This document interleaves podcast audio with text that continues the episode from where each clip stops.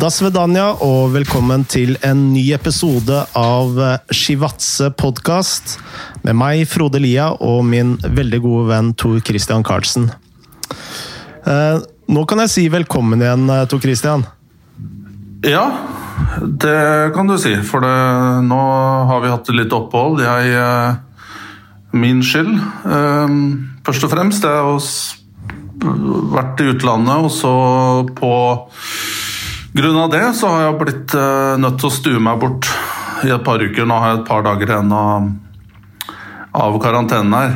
Men uh, vi, vi, vi prøver så godt vi kan. Uh, nå, sits, nå, sitter vi ikke og ser hverandre i øynene som vi pleier å gjøre.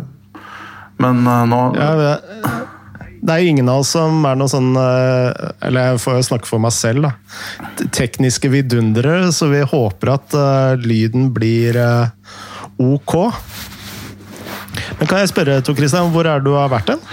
Jeg var, eh, jeg var i England.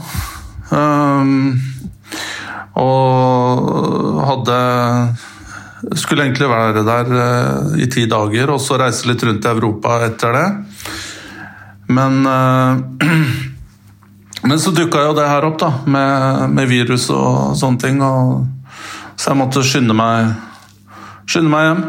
Ja, og så var det jo å, å, å holde seg i ro da, etter det. Så, men uh, det skulle jo bare mangle. Det er jo helt utrolige ting som vi som vi vitner nå.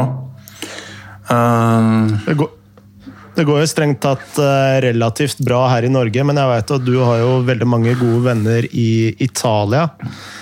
Og der er det jo virkelig Der det virkelig er krise. Ja. Um jeg har jo hatt en del kontakt uh, med vennene mine der, og spesielt i nord. Uh, både Lombardia og Liguria, Emilia Romagna, som er vel I hvert fall Emilia Romagna og Lombardia da, er vel to av de regionene som er verst uh, berørt av det her. da, Mest berørt. Og heldigvis er det ingen av de som jeg kjenner, eller vennene mine, eller nær familie av dem, som, er, som har øh, si, blitt lagt inn eller øh, blitt øh, alvorlig syke. Men det er jo alltid noen som kjenner noen. om det er om det er lokale han på lokale barn eller som står i kiosken som selger aviser, eller om det er postmann. Så det er ja, det er jo fryktelig, fryktelig trist. Og dimensjonen av dette her, det får vi jo ikke svar på før, før, uh, før støvet har lagt seg. Og det regnskapet, det, det, er jo litt det vi skal snakke om i dag òg, men det er jo viktig å presisere, syns jeg, Frode, før vi starter med fotball, at fotball det, det, blir jo veldig lite i, i alt det her. Og jeg tenker jo på Nå har vi snakka om Italia, men jeg tenker også her eh, i Norge på, på de tallene vi ser nå på Ikke bare på de som er um, berørt av viruset sånn rent fysisk, men uh, på konsekvensene her, da, med arbeidsledighetstallene og permisjoner og, og sånne ting. Og det er sikkert også flere av lytterne våre som, som er berørt av det her. og det er jo sender jo varme tanker og føler med alle disse som får livene sine snudd på hodet i, i disse dager her. Så det er jo eh, ekstremt skremmende tid, eh, som jeg aldri trodde jeg kom til å oppleve i mitt livsløp. Mm. Og det gikk så fort. Eh, selv om man eh, leste om dette viruset allerede i januar, så så var det veldig vanskelig å ta inn over seg at eh, noe sånt eh, kom, kom til å skje oss. Ja, og det er jo eh, Det er jo det spesielle, da, som du sier, med den krisen her. Det som man har hatt tidligere med korreksjoner i, i, i, i børsen og finanskrisen der i 2008, og det var liksom litt sånn det var jo ikke forventa det heller, da, men det, du kan jo på en måte det, det, det er jo i hovedsak, i hvert fall her i Norge, ting som berører mer finansielle institusjoner, og det tar flere ledd ned før, før den store befolkningen blir berørt av det. Mm. og som man kan rette opp ganske greit gjennom instrumenter som, som man har til, til disposisjon. altså Norges Bank i vårt tilfelle, da, og regjeringen og krisetiltak. Men dette her har jo helt andre proporsjoner som berører liksom absolutt alle umiddelbart. Som en bombe, da, på en måte. Og det Og, og ja. Det, det bare føles helt uvirkelig. Det blir veldig spennende å se hva slags samfunn som kommer, uh, kommer i uh, utgangen av denne krisen. Uh, for dette vet vi jo ikke noe om. Hvor store konsekvenser dette vil ha for arbeidsplasser og økonomi og alt det rundt i samfunnet. Ja, arbeidsplassene har vi fått en pekepinn allerede. Den er gått over 10% og og NHO varsler om at dette kan bli mye verre. Eh, og da må vi vel ja, gått tilbake liksom mange mange tiår for å finne noe lignende. Og, og, det er jo ikke heller sånn at det var så veldig gode tilstander det siste tiåret heller, da, siden finanskrisen i 2008. 2009. Så har man jo holdt liksom ting litt kunstig, kunstig åndedrett med at man, ja, at det har vært stimuli hele tida, og, og, spesielt i Europa, da, hvor det har holdt dette i gang med med, med, med, med krisepakker osv. Men og, og, den hadde jo ikke lagt seg, på en måte, og så kommer denne her på toppen av det. Så ja. Men skal vi snakke litt om uh, fotball òg, eller Tor Christian? Ja, vi, vi, gjør det. Og jeg tror faktisk det er viktig for mange mennesker også, og for oss òg sikkert, Frode, at vi, vi, har noe annet å tenke på enn bare å sitte og følge, følge media om de uhyggelige tingene som skjer rundt. Så er jo fotballen liten, et lite pusterom. Ja, altså Fotballen har jo alltid vært Iallfall snakke for min egen del. Fotballen har jo alltid vært et uh, pusterom, eh, selv om det har gått bra eh, rundt omkring. Så Ja, mest vært pusterom fra, fra kona, da, i ditt tilfelle? Nei, kona er ikke så ille. Er, eh, de fem, fem barna er verre. Så det Og det kjenner jeg jo litt på nå, at nå er jeg veldig Nå savner jeg fotballen veldig. For nå er det fem barn Altså, vi har jo relativt stor leilighet her, men man eh, begynner å kjenne litt på brakkesyken. Men eh, det er det minste man skal klage på i den situasjonen vi er nå. Ja, det er helt klart. Og som sagt, eh, vi, vi, har, det vi, vi har, det vi, trenger. Selv om vi må være forsiktige med å, med, med å, gå ut døra. Men vi har mat, og vi har internett, og vi har varme, varme leiligheter. Så her må vi sette det er viktig å presisere, ja. Det er viktig å presisere at uh, vi er jo veldig privilegerte, selv om vi ikke får dra på hytta. Ja, det er helt klart. Men uh, nå skal jeg ikke begynne å rante om den, uh, om den diskusjonen der. Men det eneste jeg vil si, da er at og, um, utover, og det, og det, er egentlig en god forutsetning også for videre diskusjonen eller praten vi skal ha her i dag, da, at det, det blir jo veldig mye prognoser og eh, projeksjoner og eh, gjetting. Eh, og jeg er overhodet ikke en, epimidolog, er det det heter? Jeg har problemer med alle disse fem stavelsene, eller hva det er. Men så mye av det som jeg har å bidra med, da, kommer fra på en måte litt sunn fornuft og den erfaringen jeg har fra fotball. Da. Men det jeg skulle si, er jo at jeg, jeg syns jo I hvert fall for min del så er det viktig at, eh, at eh, man må bli med på å, gjøre det som myndighetene sier, for en gangs skyld. Og, og støtte opp om, den, om, det arbeidet. Og desto fortere blir kvitt dette her, bedre er det for alle. Så. Det er jo litt interessant. Altså, nevnte min kone. Altså, hun har jo familie i Verona. Og etter å ha snakka med dem, det de mente fra Verona, var jo at en av de tingene som gjorde det litt vanskelig for myndighetene der nede, det var jo at italienere ikke har samme forhold til staten som det vi har her i Norge. Altså når den øh, norske staten sier at, eller regjeringen sier at nå skal vi holde oss innendørs, så holder folk seg innendørs. Mens i Italia så er jeg veldig opptatt av langbord og, og, og holde sosiale liv i gang. da. Eh, som gjorde det veldig vanskelig, og man kom veldig skeivt ut òg. Og, og, i tillegg til at eh, alle sykehusene var jo noe av de første som blei smitta. Så...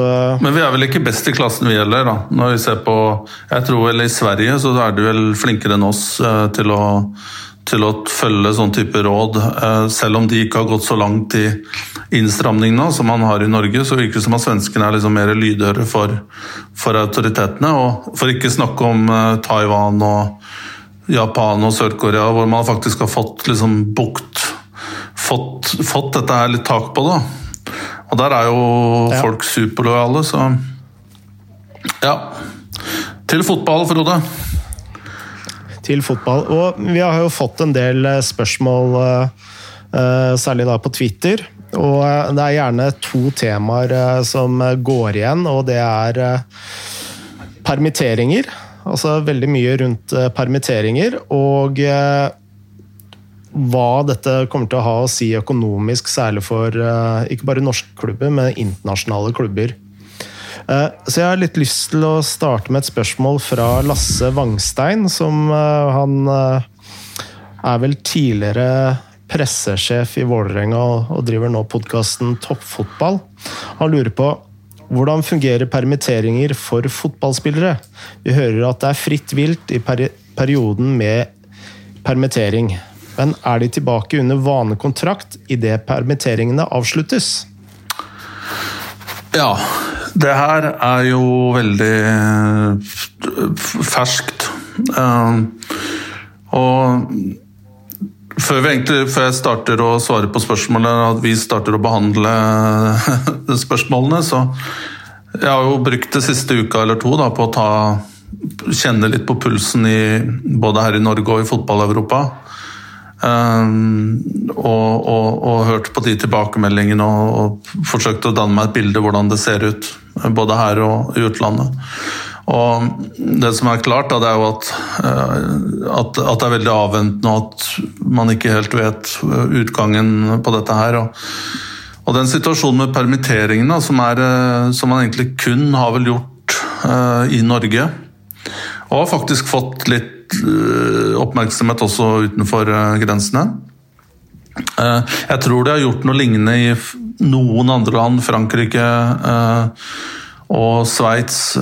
Israel har jeg hørt at de har også gjort lignende greier, men jeg tror de har beskytta seg bedre mot, mot det som kan bli konsekvensen her i Norge, som er at spillere kan forsvinne.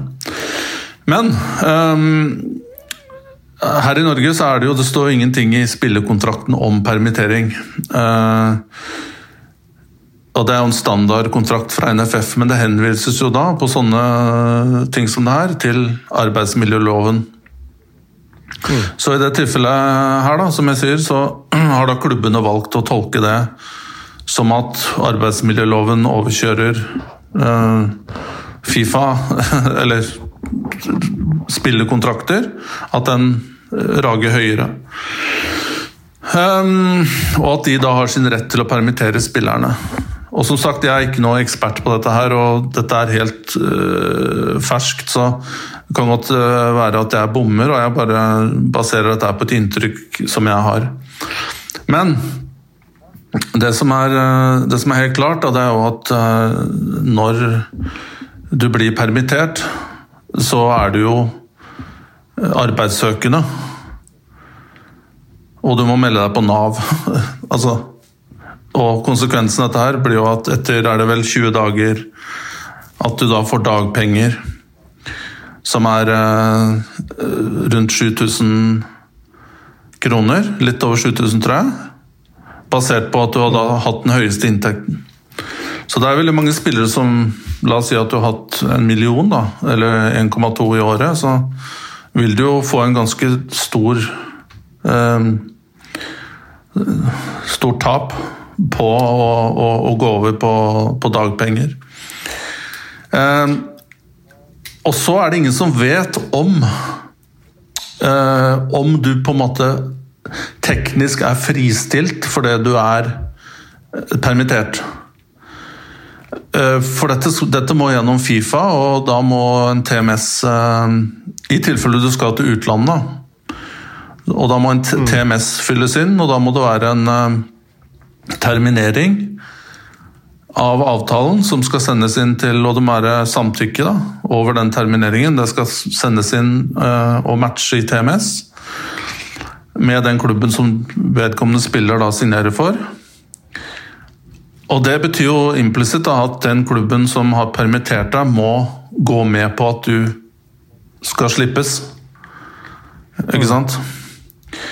Uh, og det vet man jo ikke om på en måte fotballsystemet går med på. da, Hvis f.eks. Haugesund, som har permittert spillere, om de om de ønsker å holde på uh, spillerne likevel, og så prøve å få ut noe overgangssum, eller å gjør det vanskelig for spilleren. da. Fordi, eh, Hvis jeg bare avbryter deg litt, for det, det, som er problemet her, det er at i arbeidsmiljøloven så står det at eh, med 14 Idet du blir permittert, så kan du også si opp arbeidskontrakten eh, innen 14, 14 eh, dager. Eller eh, med 14 dagers varsel, eh, er det vel korrekte her. Så her blir det på en måte to regelverk som eh, ikke snakker med hverandre, naturlig nok. hvor man da, med fotballens øyne, fortsatt opererer, selv om man er permittert, innenfor fotballens regelverk. Det blir litt sånn at fotballen får litt i både pose og sekk, kan man si det ja, sånn? Jeg er helt enig. Og eh, du, du, oppsummerte på en ganske god måte. Hvis jeg, som sagt, hvis jeg forstår det her riktig, eh, så, så, er jeg enig i det du, du, sier. Jeg tror internt i Norge så ville nok eh, dette ha gått enklere. Da trenger du ingen eh, TMS og Fifa blandes på en måte ikke inn. da. Og hvis begge klubbene hadde vært si, innforstått med, med det her, så ville jo ville jo ting ha gått seg til naturlig. Eh, men det er jo et moralsk aspekt her. Eh, som kanskje er, ja. som er kanskje viktigere enn det rent tekniske. For jeg mener når, hvis du går til det skrittet uh, permittere permitterer spillere, noe som innebærer store konsekvenser for disse spillerne De har en kort karriere. De har også tatt på seg utgifter og, og um, kostnader som gjør at de har planlagt for en viss inntekt som de ikke lenger får. Samtidig så skal de uh, så de skal ned i lønn, men samtidig skal de ikke få lov til å søke å gå til en ny arbeidsgiver. Det kan jo ikke være riktig. Nei. Og det er jo Ja, Men er ikke, altså, det, nevnte... er ikke det et veldig viktig poeng her? Det er kjempeviktig poeng, og vi har fått et spørsmål fra Egil Heinert om akkurat det. Han spør om permitteringer og lojalitet. Er det ikke greit at spillere drar når de ikke får betalt? Uh, og det er jo sånn jeg ser det, så det må jo være helt greit? Eh, ja, altså det, det kommer kanskje litt an på hvor lenge dette her kommer til å vare, da. Og jeg tror også spillerne, sånn som jeg kjenner um, fotballspillere her i Norge, så er de lojale og, og har hjertet på riktig sted. Men det er klart hvis dette her drøyer, og at du, du går utover disse 20 dagene hvor du får full lønn, og så går det over på disse 7154 kroner der i uka, som er 30 000 i måneden, eh, og det er en stor reduksjon så er det jo klart at ja, du må jo Altså, som jeg sa tidligere, det, du har jo en plikt, du er jo arbeidssøkende, og du plikter da til å prøve å finne deg en ny eh, arbeidsgiver. Og ikke bare overfor deg selv, men også overfor samfunnet som da betaler eh, dagpengene dine. Eh, og, da, og da kan ikke klubbene på en annen måte sitte og, og, og moralisere, eller supportere også si at ja, men klubbene har vært nødt til å gjøre det. Men, ja, men du kan ikke ha det begge i pose og sekk her, mener jeg. Men det er klart, Nei, og- men, men det er klart hvis f.eks. Aron, Aron Dønnum Jeg forstår det at Vålerenga har, har også permittert spillere. Det er klart Hvis han dagen etter hadde signert for Rosenborg, så, så er det jo klart at eh, Kunne man ha sagt at ja, det, det, her, det var too soon. Og jeg, og jeg tenker jo sånn at hvis at at det ligger noen Det ligger liksom en buffer på noen uker her, da, men utover de tre ukene som du får full lønn, så syns jeg spillerne er i sin fulle rett til å, til å se etter nye ting. Det jeg syns er litt uh, Litt rart, det er jo eh, med tanke på når Eliteserien egentlig skulle starte, at man velger å permittere spillerne såpass tidlig. Hva tenker du om det? Eh, nei, men det handler vel om at uh, Jeg tror det er to ting. At man ville sette i gang dette så fort som mulig for, å, for, å, for at utgiftene skal stoppe så fort som mulig, da. Klubbene vil jo, vil jo spare store beløp. Og så tror jeg også det ligger en slags idé der om at man skal på, en eller annen, på et eller annet tidspunkt prøve kollektivt eh, for norske klubber å få en eller annen slags eh, om ikke krisepakke, men at man skal få stønad på en eller annen måte fra, fra, fra norske myndigheter. Da. Mm. og at da må man på en måte vise til at vi har vi er i en så desperat situasjon at vi har permittert. Og at det er et argument da, for, å, for å få reaksjon uh, og, og hjelp. Så jeg, jeg tror det også kanskje blir brukt som, en, som et ledd i en prosess til å få Kanskje få stø, støtte, da. Ja. Fordi, fordi altså, Godt mulig jeg bommer fullstendig her, men eh, eh, altså, Eliteserien skulle jo starta 4. april. Og jeg kan jo ikke se at inntektstapet eh, kommer vel ikke da før eh, 4. april. Så sant man eh, ikke går glipp av masse sponsorinntekter, eh, TV-inntekter osv. på et tidligere stadie. da. Eh, nei, men eh, lønnsutgiftene går jo på. Så tidligere du får stoppa dem, jo mer sparer du. Men ja. Eh, Og da fremstår altså Når eh, Egil Heinert her da spør om lojalitet, da, så er det jo Og særlig i Haugesunds eh, tilfelle, hvor du, du permitterer hele troppen din, bortsett fra fem spillere. Og du har en daglig leder som så klønete klarer å, å fremstille det i media som at men disse fem spi spillerne har en, en verdi. Og, det, og, da- kommer man eh, kanskje eh, borti det andre problematiske her med permitteringer. Da. Hva gjør det med troppen? Altså, hva gjør det med forholdet spillerne seg imellom og overfor eh, klubben, når du ser klubben tar så eh, sånne type avgjørelser eh, Veldig ulikt fra spiller til spiller, da, hvis du forstår hva jeg mener.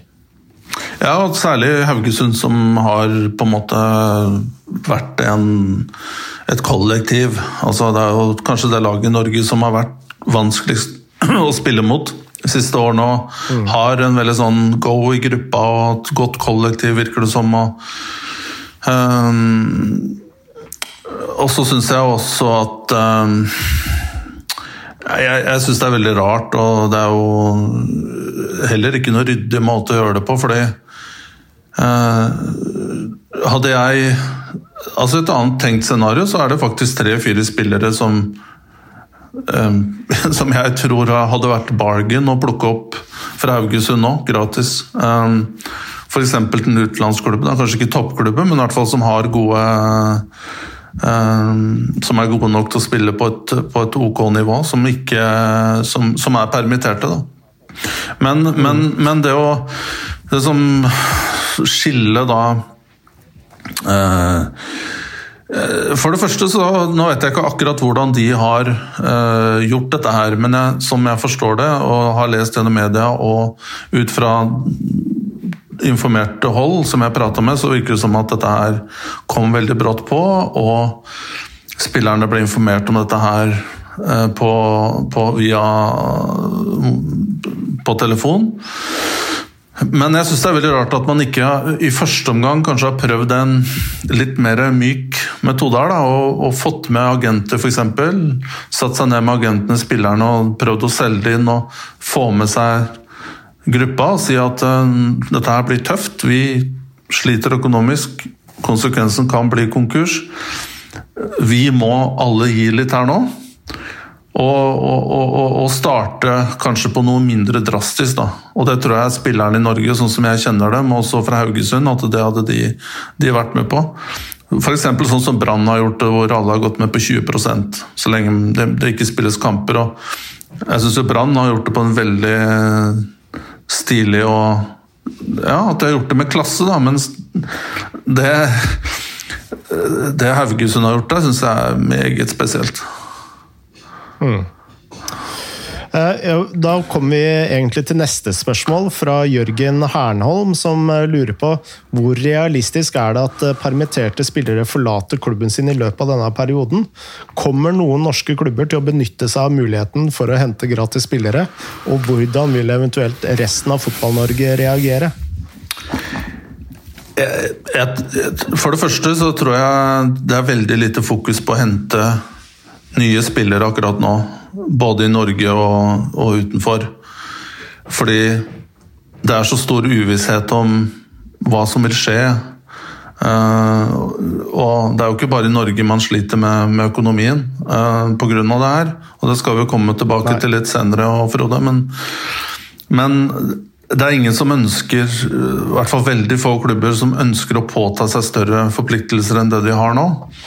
Um, men vi får jo håpe at dette her kommer til å eh, bedre seg da, utover, eh, utover eh, våren og, og, sommeren. At vi kommer i gang igjen. Og så får vi også se hva som skjer med overgangsvinduet. I mange europeiske land så åpner jo det begynnelsen av juni og fortsetter til utover. Litt avhengig av hvilke mm. ligaer det er. Og, eh, men eh, hvis hvis man en, hvis man er en utenlandsklubb som er litt offensiv, så kunne man jo allerede nå signere en, en kontrakt med en av disse permitterte spillerne, og at den klubben da tolker eh, tolker regelverket dit hen at, at den spilleren er fristilt. Eh, og, og, at han da kan signere fra 1.6, eller når da overgangsvinduet åpner i det landet. Men jeg tror ikke det er så veldig aktuelt akkurat nå. Kanskje om noen uker, når ting eh, ser litt lysere ut. Kanskje om en måned, seks uker. I et optimistisk estimat, da. Eh. jeg, jeg, jeg, ser ikke for meg hvordan en annen norsk klubb uh, har uh, mulighet til å hente noen spillere akkurat nå. Eh, jeg tror det er hvis det skal være sannsynlig å hente noen permitterte spillere fra en norsk klubb, så vil det i så fall være eh, land i mellomsjiktet i Europa som tidligere enn oss har klaret å fått bukt med koronaviruset. Og det ser det jo ikke ut til at det er noen europeiske land i det sjiktet som kommer til å få heller.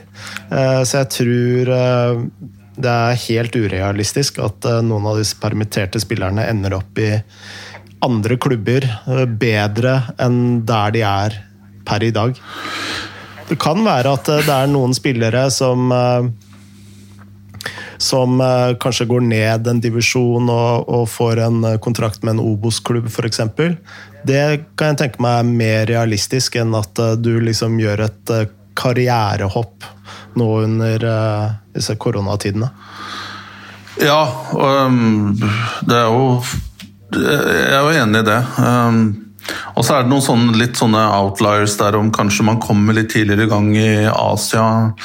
Og så har du ligaer der borte som er litt spennende. Sør-Korea og Japan. Men det er jo Kina det er jo veldig få spillere fra Norge som, som går dit. Og så vil det jo være mange i samme båt fra, fra andre europeiske land. For etter hvert så vil jo spillere bli jeg tror en av konsekvensene på en måte på makronivå her vil nok være at vi kommer til å se veldig mange kontraktsløse spillere utover sommeren. Fordi, og at kanskje spillere må ned i lønn, de må ned i divisjoner, som du sier. At det kan bli semiprofesjonelle forhold osv. Men tilbake til det med lojalitet, da. Uh, akkurat der syns jeg faktisk at jeg har fulgt med litt i sosiale medier. Og se hvordan supportere reagerer på det her, og da er det sånn Ja, fuck den spilleren som utnytter seg av det her. Uh, skal få høre og agent og skal få høre og liksom bør bannlyses og alt mulig, men selv om du er supporter, så syns jeg at du bør liksom prøve, prøv å trekke emosjonene altså Prøv å analysere dette her. Hva hadde du selv gjort i den situasjonen? Det, og Hvis ikke du klarer det, så syns jeg heller ikke du skal bidra i en, liksom en eh, seriøs diskusjon om de temaene her. Da. Jeg syns det blir veldig sånn emosjonelt lada. Og, og jeg har snakka med flere spillere her i Norge som og agenter. Eh, som Ja, og det er litt varierende. Noen spillere er kine på å liksom være med, eh, men liksom ikke for enhver pris, da. Og hvis det skulle Nei, og... dukke opp noe, så, de, så, er det flere som er villige til å, til å se på det, selvsagt. Vi har jo snakka om det tidligere her eh, i Shivatse, at lønningene i Norge er jo ikke veldig gode. Og når du på toppen av det hele blir permittert, og du er eh, si 28 år og er to, tobarnsfar eh, og har regninger som kommer inn, så, eh, så plutselig er du akkurat som de supporterne som, som står på stadion. Da. Og da bør man ha litt mer forståelse for at det er vanlige folk, vanlige arbeidstakere, fotballspillere også. Ja, og som eh, får føle disse konsekvensene på, på, huden. Hadde det vært et annet tilfelle hvor La oss si at spillere tjente flerfoldige millioner, to-tre millioner i året, og så hadde de gått med på et kutt på 20-25% mot at de kunne gå gratis. Sånn hypotetisk, da. Så, så ville jeg forstått at supporterne kanskje hadde blitt frustrerte. Men her, her, i Norge så er det jo, og har, som vi har vært inne på det mange ganger, at det er jo ikke sånn at median, eller altså gjennomsnittslønningene i Eliteserien, og enda lavere i Obos, de ligger jo på helt Akkurat på grensa til at hvis du står på skikkelig og, og på Kiwi, så har du en samme årslønna. Og, da, og, når du da skal liksom permitteres ut fra det, og så skal du igjen vise 110 30% lojalitet. Og samtidig har en veldig kort karriere hvor du har forsaka utdanning og du har forsaka venner og du har flyttet over land og strand. og du, eh, du har vært treningsnarkoman kanskje opp igjennom. Det, det, det, rimer ikke helt for meg, så jeg, jeg, jeg syns at det Jeg kan forstå at klubbene tar de grepene, og jeg, jeg skjønner at det er veldig, veldig tøft. Men da må man også på en måte anerkjenne konsekvensen av det. Da. At spillerne må få lov å resonnere ut fra uh, sine egne behov og, og, og, status. Samtidig så vil jeg jo si at uh, akkurat den tekniske greia der altså Hvis um, f.eks. Haugesund skulle motsette seg Eh, en overgang for noen av disse permitterte. For det, dette er en gråsone, og som sagt, vi vet ikke helt hvordan uh, jussen forholder seg til det. Og her legger jeg en masse klausuler om at jeg har heller ikke noe klart svar på det, jeg har en tolkning. Men la oss si at uh, en av disse permitterte eller flere skulle finne seg klubber i utlandet, og Haugesund ikke vil uh, i dette tilfellet her, vil slippe dem pga. at de er permitterte og ikke på en måte solgt eller terminerte, så vil de ha et forklaringsproblem, for de har jo offentlig sagt at to av dem eh, har ikke blitt permittert fordi de forventer overgangssummer for dem. Mm. Så det vil jo ikke da rime i mine ører, i hvert fall. Jeg har fått et uh, annet spørsmål fra Siddisen. Uh, og uh, dette er et spørsmål jeg lurer fælt på selv, Tor Christian. Og han lurer på Norske kronen er historisk lav. Er det spillere i Eliteserien som har kontraktfestet og får lønn i euro eller annen utenlandsk valuta? Um, ikke ikke som jeg vet.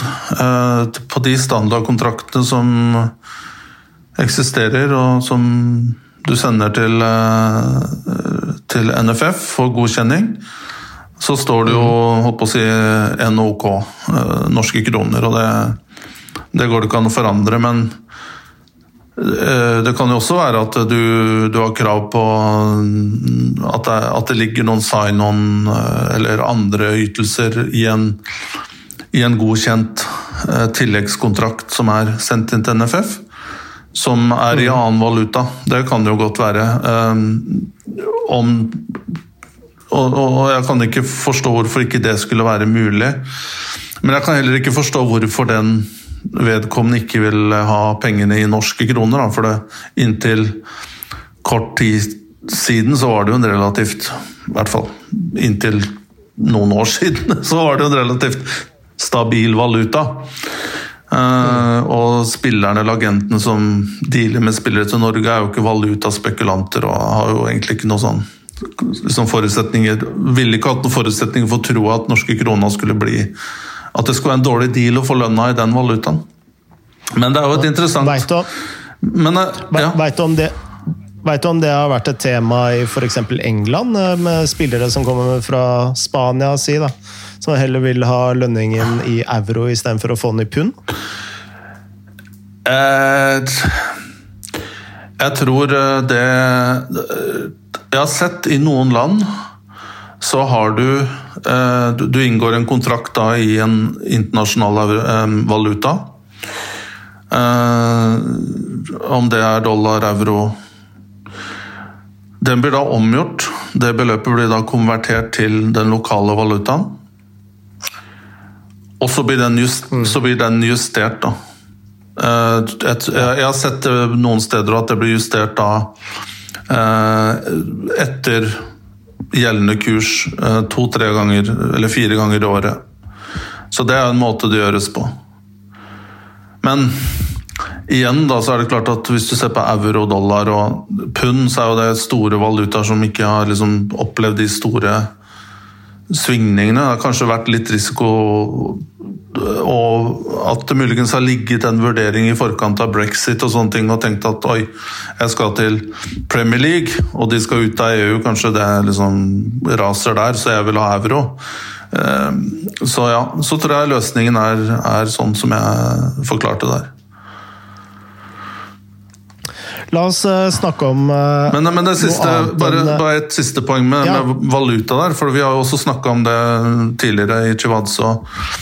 Hvis de uh, valutakursene som, som regjerer nå Og nå har jo norske krona slått bitte litt tilbake, da, for det virker som at man har kjøpt støttekjøp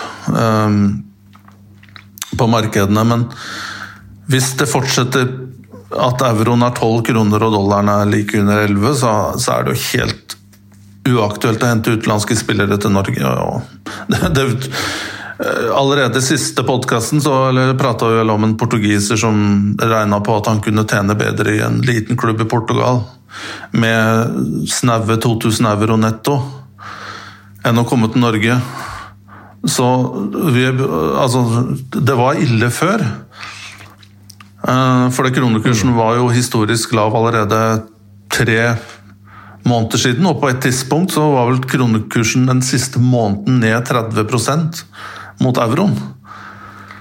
Så, så, mange av utenlandske spillerne som har kommet til Norge eh, og på en måte fått flasha tall i euro eh, Altså de har fått kontrakt i Norge basert på en idé om, på, på daværende kurs, de ville ha gått ned 25-30% i lønn da, på, på, kort tid, og det er jo katastrofe. Eh, la oss gå videre. Og eh, la oss snakke litt om eh, internasjonal eh, fotball. Tom André Sanne han lurer på i hvilket land er dette hardest rammet? Med tanke på hvor skjør fotballøkonomien faktisk er. Selv i Premier League er det fåtall av klubber som tjener penger. Og Hvis en ser nedover i ligasystemene, må man jo bare spørre, spørre seg om hvor mange klubber som opphører å eksistere hvis dette blir langvarig.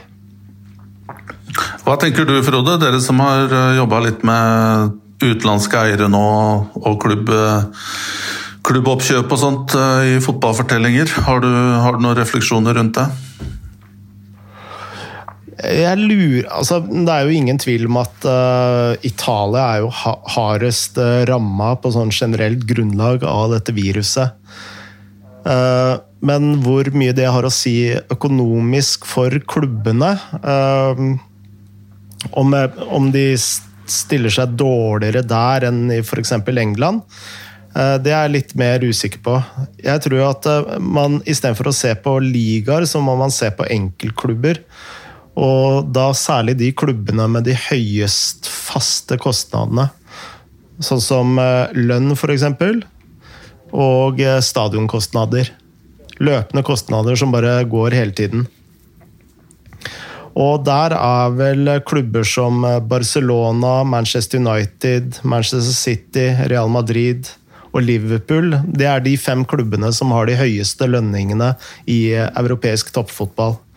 Barcelona f.eks., altså målt i pund, så har de et uh, lønnsbudsjett på 438 millioner pund. Manchester United nummer to på den lista med 332 millioner pund i lønninger. Og dette er jo lønninger som bare går, og når da inntektene ikke kommer, så er det jo rent tap. Så det er jo de klubbene som blør mest, uh, mest akkurat nå. Veldig interessant. På den oversikten her så skiller det faktisk bare to millioner pund på lønn mellom Real Madrid og Liverpool. Mm. Så Liverpool har blitt en uh, virkelig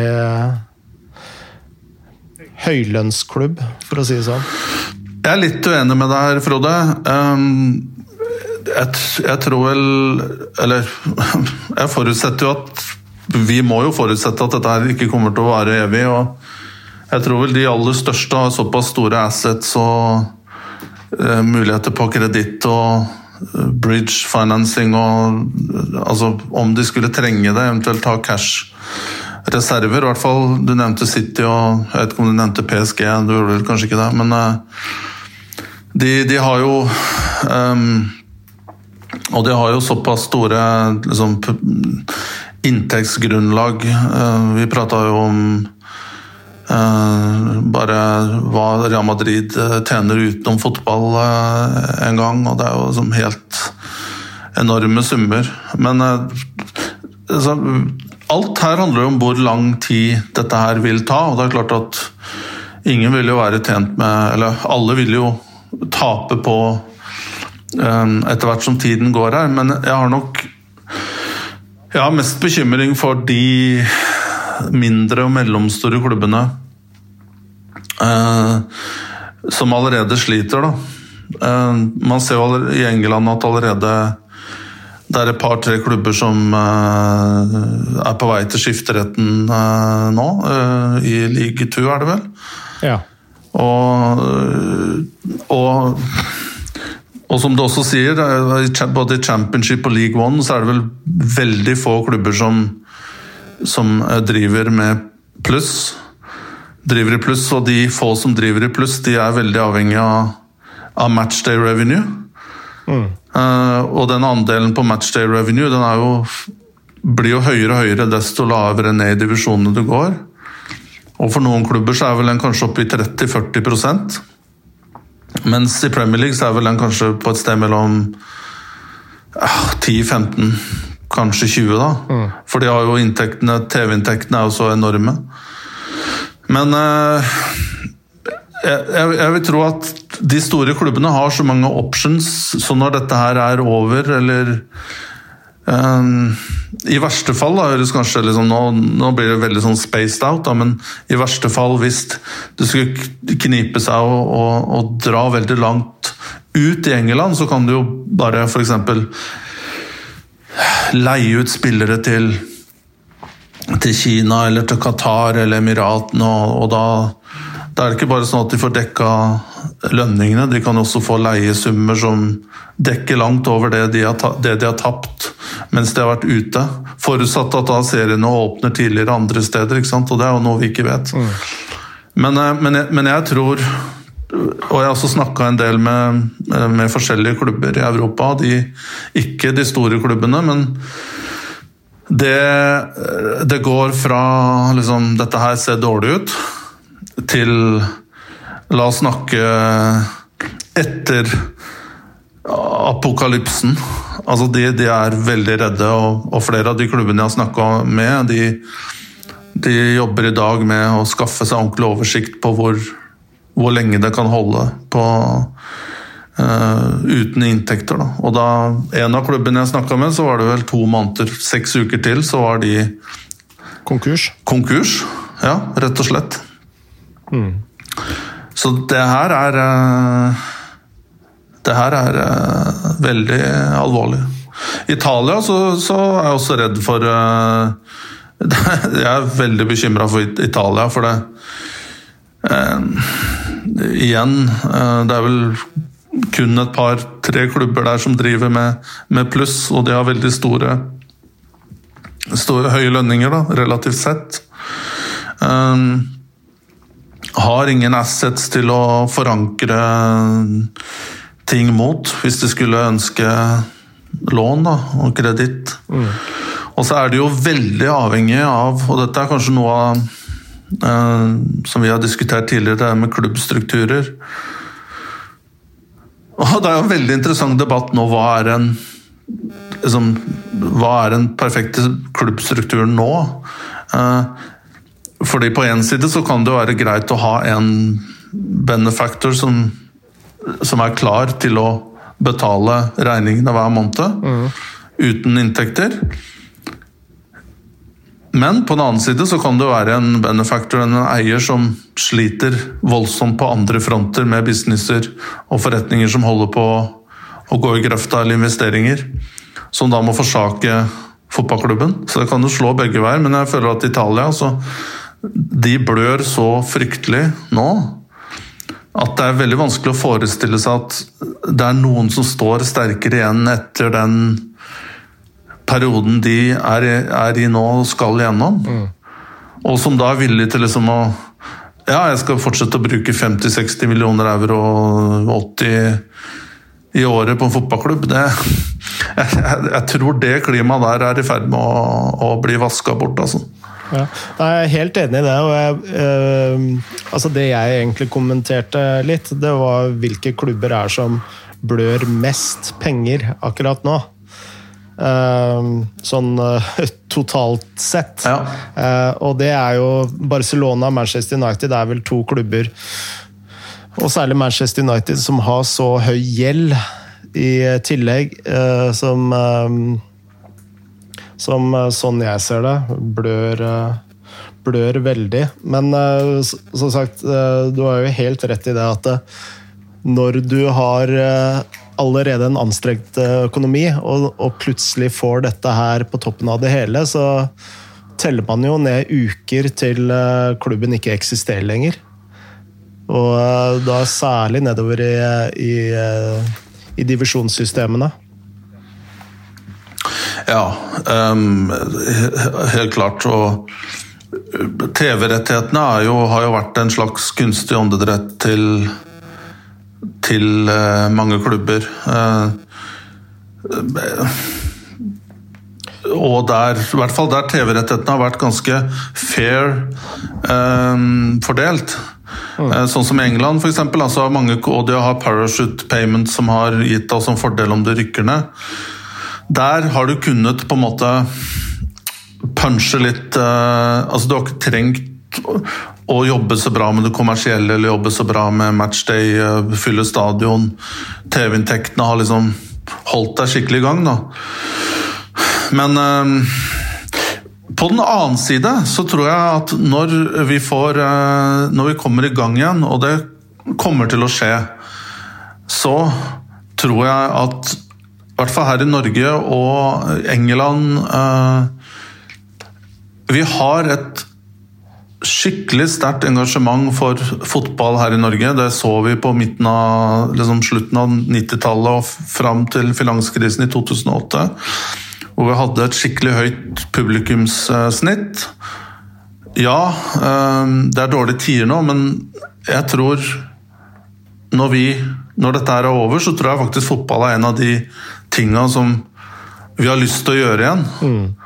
Og jeg tror da har vi lyst til å gjøre ting sammen igjen og sosialisere og, og, og, og være med på gode øyeblikk sammen og støtte de lokale klubbene. så jeg tror ok, det kommer til å svi og det kommer til å rundt, men jeg tror jeg tror vi kan liksom få noe godt ut av dette her. Mm.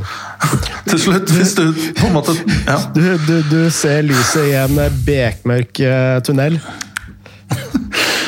Ja, jeg, jeg, jeg, tror på en måte Vi er lagd litt sånn her i Norge at eh, vi, vi, vi, kommer sammen når noen virkelig trenger det, og det, og det må man gjøre nå. Eh, når, når, eh, når dette er over. Men, men, når er det over, da? Det, det er jo fryktelig og, og hva står vi igjen? Hvordan er kartet når når slaget er, eh, er ferdig. Da. Og da er vi egentlig over veldig fin overgang til et nytt eh, spørsmål eh, jeg har fått fra Mats. Og han lurer på når dette her er, da er over. Tror dere FFB vil suspenderes for å få fart på fotballøkonomien igjen? Hva tenker du om det? Jeg tenker to litt sånn motstridende tanker. For det første så ser jeg at at det vil være et behov for å få likviditet, altså stimuli, inn i fotballen. Altså penger som kan spre seg ned pyramiden. Mm. Um, men jeg tror ikke det Jeg, jeg, jeg tror, tror, ikke det kommer til å handle om at man skal få i gang fotballøkonomien med å kjøpe spillere av hverandre, den tiden tror jeg kanskje er litt forbi. Mm. For det er mange klubber her som også vil måtte Kanskje det kommer krisehjelp til fotballklubbene i Norge eller eh, andre land. At det kommer noe eh, lån, at, eh, eller rentefrie lån, at det kommer noe forskudd på TV-inntekter. Eh, sånne ting.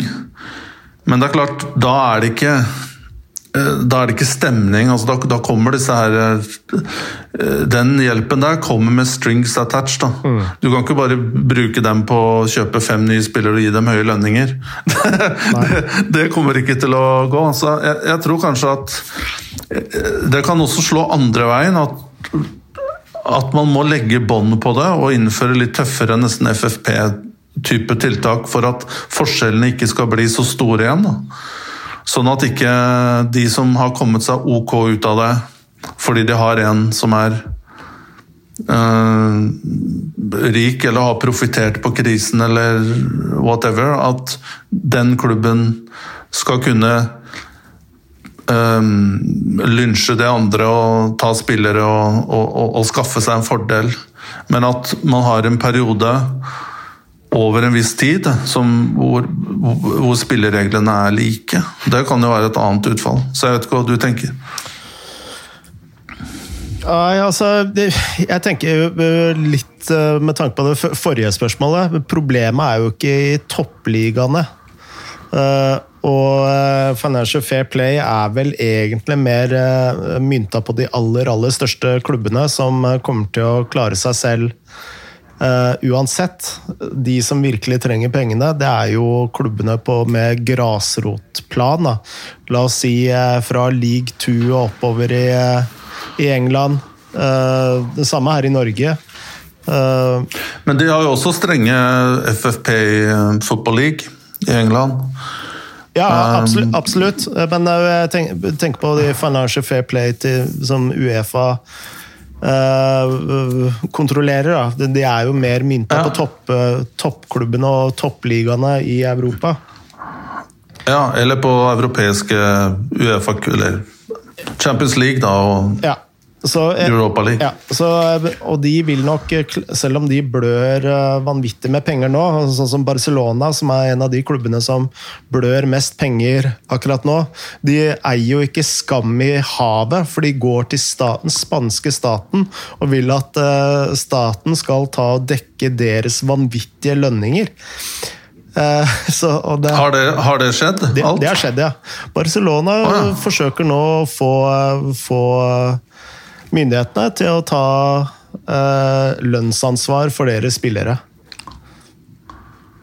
Og det, ja, det er jo Da eier du ikke Altså, det er jo frekkhetens nådegave, eh, vil jeg jo hevde. Eh, men da Så der vil ikke Financial Fair Play på en måte uh, altså vil ikke gjøre noe utslag da, for, for, hvor eh, problemene egentlig er hen eh, etter denne krisen, som er eh, på et mye mer grasrotplan. Jeg vil jo si norske klubber er jo mer sånn grasrotplan, som så det er andre virkemidler som må til da, for å få løst problemene innenfor fotballen. Og så er jeg også litt usikker på om myndighetene også skal bruke penger på toppfotball. Er det riktig? Ja. Det er et underholdningsprodukt uh, som uh, ikke sysselsetter uh, mange mennesker i forhold til andre underholdningstiltak som, som får mindre penger. Så Nei, det må nok eh, andre virkemidler til for å få en kickstart på hele denne, hele denne krisen. Men eh, jeg tenker jo at um, Kan du se det fra en litt annen uh, vinkel òg, det spørs jo hvordan man legger det fram og argumenterer for det. og fotballklubbene, hvis de forholder oss til Norge, men her kan vi også trekke inn England, som vi er nært på. Ehm, fotballklubbene har jo liksom, Det er jo, om ikke hjørnesteinsbedrifter, så er det jo hjørnesteins på en måte institusjoner i, i byene. Ehm, det er mange steder både i nord og sør og utenfor som mange kjenner fordi det har fordi det da kjente fotballaget. Da. Så det bringer jo inn mye publisitet og, og genererer eh, Pluss at det er et et, som jeg var litt inne på da, i min lidenskapelige rant i stad, så tror jeg fotballen liksom har noe for folket når i dårlige tider. Mm. Eh, jeg så jo, Dette var landslaget, da, men jeg så jo Roberto Mancini var ute i Gazzetta dello Sport på søndag. var det, og så sa han at ja, EM blir flytta, men i 2021 så skal vi vinne det for Italia. Det liksom, da skal vi slå tilbake, og vi skal vinne det EM for folket. da. Mm. Og, og, dette her som Vi starta jo også med en litt sånn Se litt i perspektiv av det som skjer i Norge nå, som er veldig alvorlig, og som rammer veldig mange familier og mennesker. Eh, det å ha et eller annet som kan få folk sammen igjen mm. i tunge tider, er veldig viktig. Og der mener jeg faktisk fotballklubbene kan, kan spille en rolle og, uh, på mange, mange plan. Nå fikk jeg veldig lyst til å kjøpe en Italia-trøye, merker jeg. ja, jeg får det, og jeg kommer til å vifte med trikolore under EM neste, neste sommer. Og det skjærer meg jo dypt i hjertet å se det som skjer der. Eh, virkelig. Men eh, det andre som veldig mange lurer på, det er veldig mye debatt rundt. Jeg er litt nysgjerrig på hva du mener om det. Det er jo den derre Helt umulig å svare på, selvsagt, men hva skjer med den sesongen 2019-2020. Nå mener jeg ikke den norske sesongen, vi kan jo komme inn på det eh, etterpå, men la oss ta for oss de europeiske sesongene først. Mm. Som hadde sånn åtte-ti kamper igjen. Hva, hva, hva tror du blir utfallet der? Jeg tror i England så kommer de til å spille ferdig. Eh, samme søren. Eh, hvorfor tror jeg det? Eh, det er bare litt sånn engelskmennene engelskmenn har skrudd sammen. Altså, de er eh, kontrover...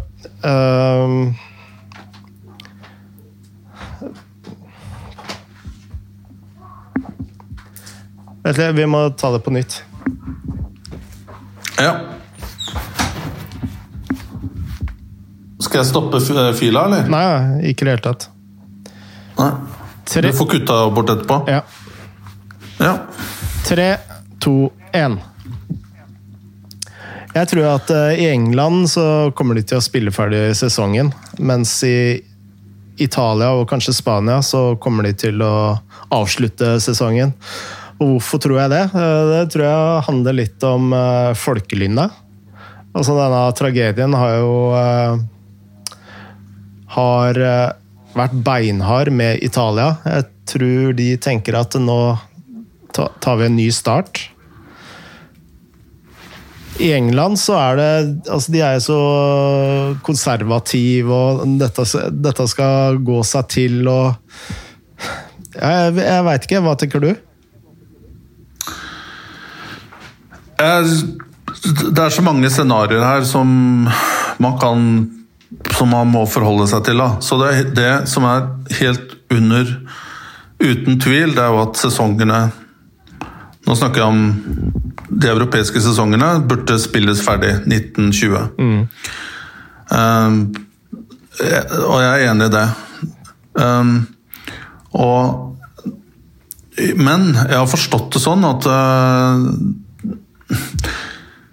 i Tyskland så vet jeg at det er um, en diskusjon om det er på en måte fair å spille ferdig sesongen selv om den skal bli spilt da Eller i det scenarioet at den skal bli spilt f.eks. i juni uten tilskuere. Og da får du to kamper eh, To kamper i uka, og det er cupfinale og litt sånn òg i Tyskland som skal spilles ferdig. Men du får da en cupfinale eh, Du får da tett eh, Det har også vært diskutert å spille kamper hvert 48. eh, to, Altså hver andre dag, da. Eh, Og så er spørsmålet da om Ja, det kan nok la seg gjøre hvis man veldig snart får bukt med eh, covid-19. Eh, og så må du da sette i gang med en sånn mini-preseason. Eh, fra det punktet hvor man skjønner at nå kan det være sånn at vi må begynne å spille. For det spillerne trenger Jeg, har også prata med en del sånn, fitness coaches. Skrev bl.a. en sak for ISPN om det eh, forrige uke. Og det de sier, er at de trenger tre uker på å komme inn i For å få den der livligheten i kroppen og bli lett og, og spilleklare, da. Eh, og nå er jo spillerne totalt ute av matchmodus og kommer til å være det i, flere uker framover. Fordi de, gruppetrening og, og sånt er jo helt uh, ute, av, ute av bildet. Så kan man jo begynne å regne, da. Eh, Når er da første realistiske tidspunkt man Mest optimistiske eller mest estimatet man hadde gjort? Jeg ser i Norge i slutten av mai, Tyskland begynnelsen av juni. Og så skal man da spille miniturneringer innendørs. For jeg tror det er helt uaktuelt med å få liksom, at folk skal begynne å mikse på tribuner og ta offentlige transportmidler og sånn til kampene. Her snakker vi om både England og Tyskland. og snakker vi om ja, lag med 60 000-70 000 kapasitet. og bare det at man skal begynne å samles i så store mengder igjen, det virker for meg i hvert fall veldig fjernt fram. Men det jeg skulle fram til der, det er Det er jo nesten like uetisk eh, at noen sin skjebne, om det er i topp eller bunn, om det er nedrykk, opprykk, champions, europaplasser, at de skal bli avgjort i en setting som er helt unormal for spillerne. Jeg så den italienske runden eh, som ble spilt for tomme tribuner. Med Jeg så vel Milan som tapte på hjemmebane mot Genoa. Jeg så, og så så jeg Juventus slå Inter på kvelden. Og på, i teorien så er det for så vidt en god idé, men det er jo som en Det er jo som en treningsøkt. Og spillerne har på en måte ikke fått den mentale De er jo ikke mentalt gira opp til å spille med intensitet, med tempo. De kunne like godt spilt uten leggskinn i de kampene der. Mm. Og er det riktig da at kamper skal bli avgjort på den måten der? Opprykk og nedrykk og øh, Det er for meg et stort dilemma. og at og, og, at det skal bli avgjort på liksom rushe kamper annenhver dag, omtrent. Mm. Som da diskuteres i Tyskland. Og hvis man da skal se på når er det aktuelt at man skal få spille foran publikum, som er den normale settingen som du har på en måte signa opp for, da, og, har, og som har vært forutsetningen for sesongen 1920 fram til mars. Mm. Så hvem vet, da? Det er, det, er, det, realistisk at det kommer til å skje i 2020? Altså, og hvis det ikke er hvis ikke det er aktuelt, blir langt resonnement, men hvis ikke det blir aktuelt, kan man da spille ferdig 1920 i begynnelsen av 2021? Det er jo da er jo spilleren et år eldre, omtrent. Mm. det, det, det, gir jo ikke mening. Altså, hvis du har hatt et lag med litt høy eh, gjennomsnittsalder, da, som, har du ikke de samme forutsetningene for å Og så har du hatt spillere som har kanskje gått ut av kontrakt og alt dette her som har blitt nevnt. Altså. Jeg er glad jeg slipper å ta den avgjørelsen der, Frode. Ja. Men jeg, som jeg sa innledningsvis, jeg tror folkelynnet har eh, faktisk mye å si her. Og jeg, jeg, jeg klarer ikke å se for meg at eh, FA kommer til å og, og, resten av Premier League-klubbene kommer til å kansellere resten av sesongen. Det er bare jeg, jeg klarer ikke å se det for meg. Så jeg, jeg, jeg, tror det handler om hvor, eh, hvor, hvor, lenge vil den krisen her holde på. Ja, eh, men, men jeg, skjønner også at som jeg hører fra andre ligaer, så er det på en måte Klubbene kan ikke komme ut og si noe annet heller at de skal spille den sesongen ferdig. For da vil de få problemer med Alle går jo og håper på at de skal eller finne en metode for å få disse TV-pengene som skal betales i april. Mm. Og hvis de på en måte har gått inn og sagt at nei, den sesongen 1920 den fryser vi, den, eller den skal eh, ikke spilles ferdig noen gang, så er det klart at da kommer jo ikke de pengene heller. Nei. Så jeg, jeg, tror ikke vi skal være så veldig sikre på at den blir spilt ferdig den sesongen, men hva gjelder England, så er det jo helt åpenbart at Liverpool har blitt, er mestere i den sesongen, og at det burde anerkjennes på en eller annen måte. Absolutt. Syns jeg, synes jeg er helt fair. Ja, helt fair. Men hva, tenker, men hva om Norge oppi alt det her, da? Um, hva tenker du om man skulle ende opp i Norge med en situasjon hvor vi spiller uten publikum? Så vil jo masse moro, moromenn nå sitte og knise og si at ja, men det er vi jo godt vant til ja. I, Norge. Men, eh, men seriøst, hva, hva, tenker du om det? Er det liksom er det, Burde man starte en sesong og spille to-tre måneder uten publikum, eller burde man vente til man får lov til å ha publikum? Da? Hva, hva tenker du? Ja, jeg, altså, det er jo to forhold her, og det ene er det økonomiske. Uh, som du nevnte tidligere, så er jo uh, matchday revenues er jo utrolig viktig. Særlig for norske klubber, men uh, også alle klubber som ikke tilhører de øverste ligaene. Så det vil jo være et økonomisk tap tapsprosjekt. For da må du jo i tillegg oppheve alle permitteringene, men uh, ikke få inn de inntektene du er vant med å få. Så det vil jo være et stort uh, tapsprosjekt for, uh, for norsk fotball. I tillegg så er det Jeg tror at vi kan jo skyve sesongen vår på en eller annen måte. Uh, ja. Og det er lettere for oss å skyve sesongen uh, Altså, vi kan Si dette er over i juni, da. Så klarer vi å spille i juli. Det klarer vi. Uh, ja. Hvis uh, folk legger uh, litt velvilje og sier fra seg denne, denne berømmelige sommerferien som alle snakker om. Og da er vel norsk fotball mer tjent med å komme raskere ut av start raskere og hardere ut av startblokkene enn om å ha starta sesongen litt sånn dvaskt uten tilskuere, tenker jeg. Ja.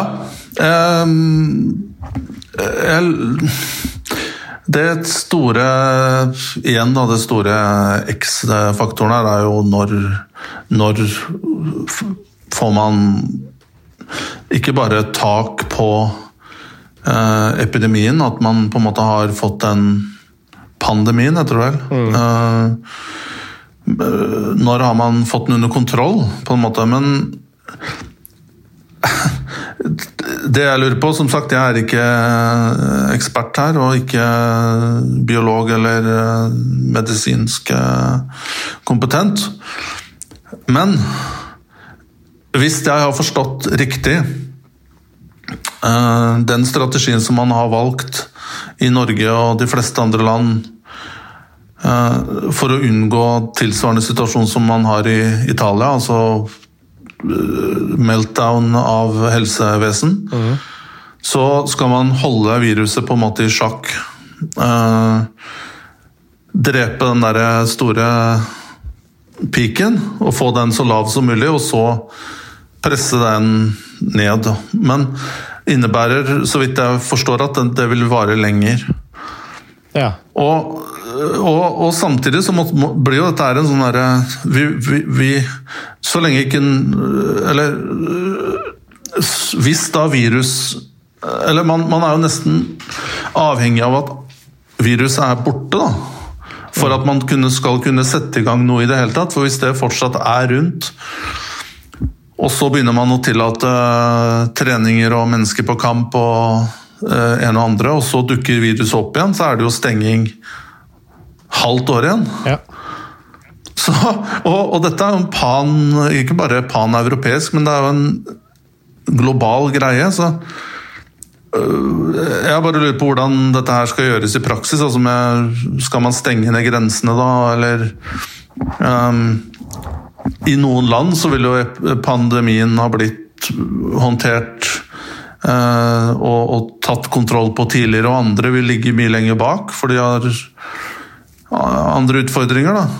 Mm. Eh, men eh, da forutsetter jo Da forutsetter det at vi fortsetter å hermetisk stenge grens, grensene i Norge for at vi skal klare å på en måte få uh, ting i gang igjen. Da. Det ble veldig sånn langt, og som sagt, jeg er ikke ekspert eller så uh, dyktig på det her. så Derfor så blir resonnementet litt sånn uh, flytende. Men, men uh, jeg Det er jo fryktelig eh, interessant å se da, hvordan dette her kommer til å, til å utspille seg utover våren og høsten. Får, og sommeren.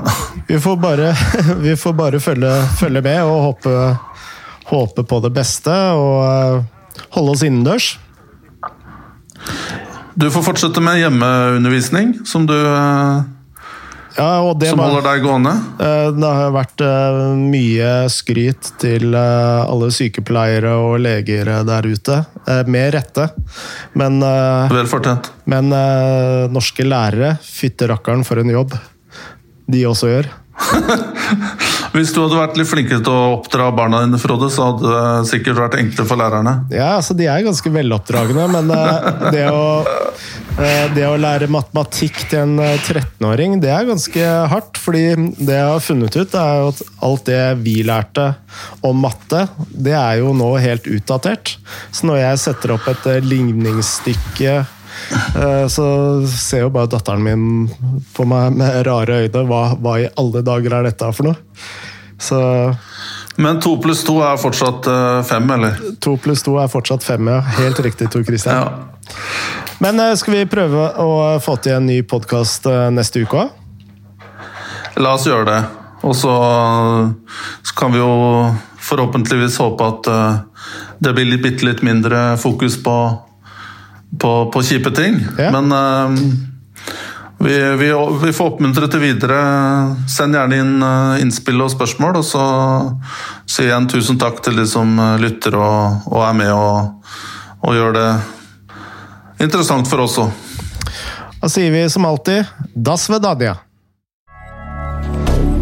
Moderne.